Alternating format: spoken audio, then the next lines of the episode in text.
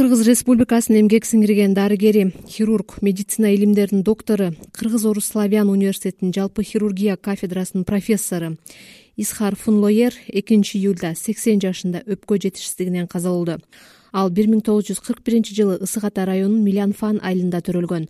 Атасы суваз фунлоер кыргызстанда биринчилерден болуп ленин орденин алган. Фунлоер эки уулдун атасы эле. Улуу баласы кенияда жашап иштейт. Кичүүсү эдик фунлоер атасын мындайча эскерди. Это очень большой человек даже для нас для его детей его величина она всегда останется у нас в памяти его величина и величина его. Атамдын залкарлыгы жеке эле биз үчүн эмес. Бүтүндөй кыргызстанга сезилчү десем жаңылышпайм. Чоң атам суваз да улуу адам болгон. Ал кыргызстандан биринчилерден болуп айыл чарбага кошкон салымы үчүн бир миң тогуз жүз отуз алтынчы жылы бүткүл союздук ленин орденин алган. Атамдын бир эле кыялы. Анын атын өлгөндөн кийин да адамзатына пайда алып келген улуу дарыгер катары элдин эсинде калса деген эле болчу менимче анын кыялы тирүүсүндө эле орундалды. Атам өмүрүнүн аягына чейин элге пайда алып келди. Билген билимин эч кимден аяган жок. Өмүрүнүн акыркы сааттарына чейин студенттерге онлайн сабак өтүп жатты. Ал бул жашоодон иштеп жатып кетти. Себеби өлүм аны байкоосунан эле алып койду. Үй бүлөдөн эч кимибиз анын мынча тез өтүп кетээрин күткөн эмеспиз. Бизге азыр өтө оор болууда. Эл анын кантип каза болгонун эмес кыргыз элине жасаган эмгегин гана эскерсе дейбиз анын өлүмү биз үчүн чоң трагедия болду. Настигла его внезапно никто из членов семьи не ждал такой скоропостижного такого скоропостижного ухода поэтому для нас это большая утрата и большая трагедия. Исхар фунлоер милянфандагы орто мектепте жетинчи класска чейин окуп андан соң бир миң тогуз жүз элүү жетинчи жылы александровка айылындагы жатак мектептен окуусун аяктаган. Ал иса ахунбаевдин алгачкы студенттеринин бири эле биринчилерден болуп өпкө жана боор хирургиясы боюнча кандидаттык диссертациясын азыркы петербург мурунку ленинградда бир миң тогуз жүз жетимиш бешинчи жылы жактаган. Темасы өпкөнүн поликистоз оорусунун клиникасы жана диагностикасы деп аталчу. Профессор фунлоерди айылдаштары өтө жылуу эскеришти исхар фунлоердин бала чагынан берки курдашы дунган жана кытай таануу борборунун улук илимий кызматкери улуттук илимдер академиясынын илимпозу тарыхчы али джун айылдашын жылуу эскерип учурунда аны да өлүмдөн сактап калганын айтып берди. Насколько я знаю он первым первым начал применять менин билишимче ал биринчилерден болуп көкүрөктө жайгашкан органдарга операция жасоодо лазерди колдонгон. Лазердик ыкма менен операция жасоо аркылуу оорулууга инфекцияны жуктуруу деңгээли азайып коопсуздугу жогорулайт эмеспи. Профессор исхар сувазович дал ошол лазер менен эхинококкоз оорусуна операция жасачу. Бул дүйнөлүк медицинада биринчи ирет практикаланганы айтылып жүрөт. Өзү өтө жөнөкөй киши эле акыркы учурда биз дунган диаспорасында аксакалдардын көзү өткөндө тажияда жолугуп калчубуз. Ошондо күлүп дунгандар дарыгерге оорусу өтүшүп өлгөнү калганда гана барат деп калчу.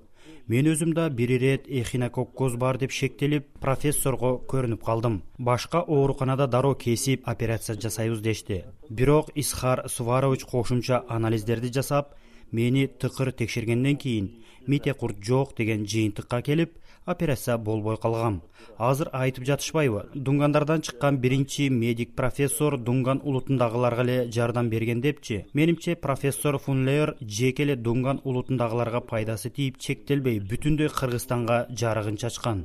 Улуу илимпоз колу жеңил дарыгер эле.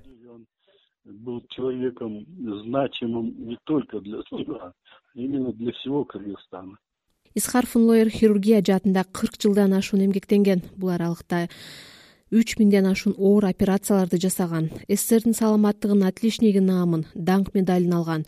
Улуттук госпиталдагы таракалдык бөлүмдү өзү ачып бир миң тогуз жүз жетимишинчи жылдардан тарта жетектеген. Таракалдык бөлүмдө өпкөнүн оор дарттарын дем алуу органдарынын ооруларын хирургиялык жол менен дарылайт.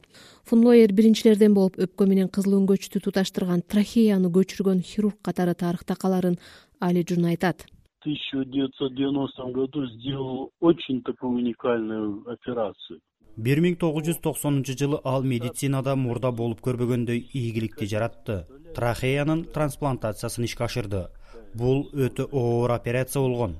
Трахеясы көчүрүлгөн бейтап кийин таза айыгып чыгып кетти.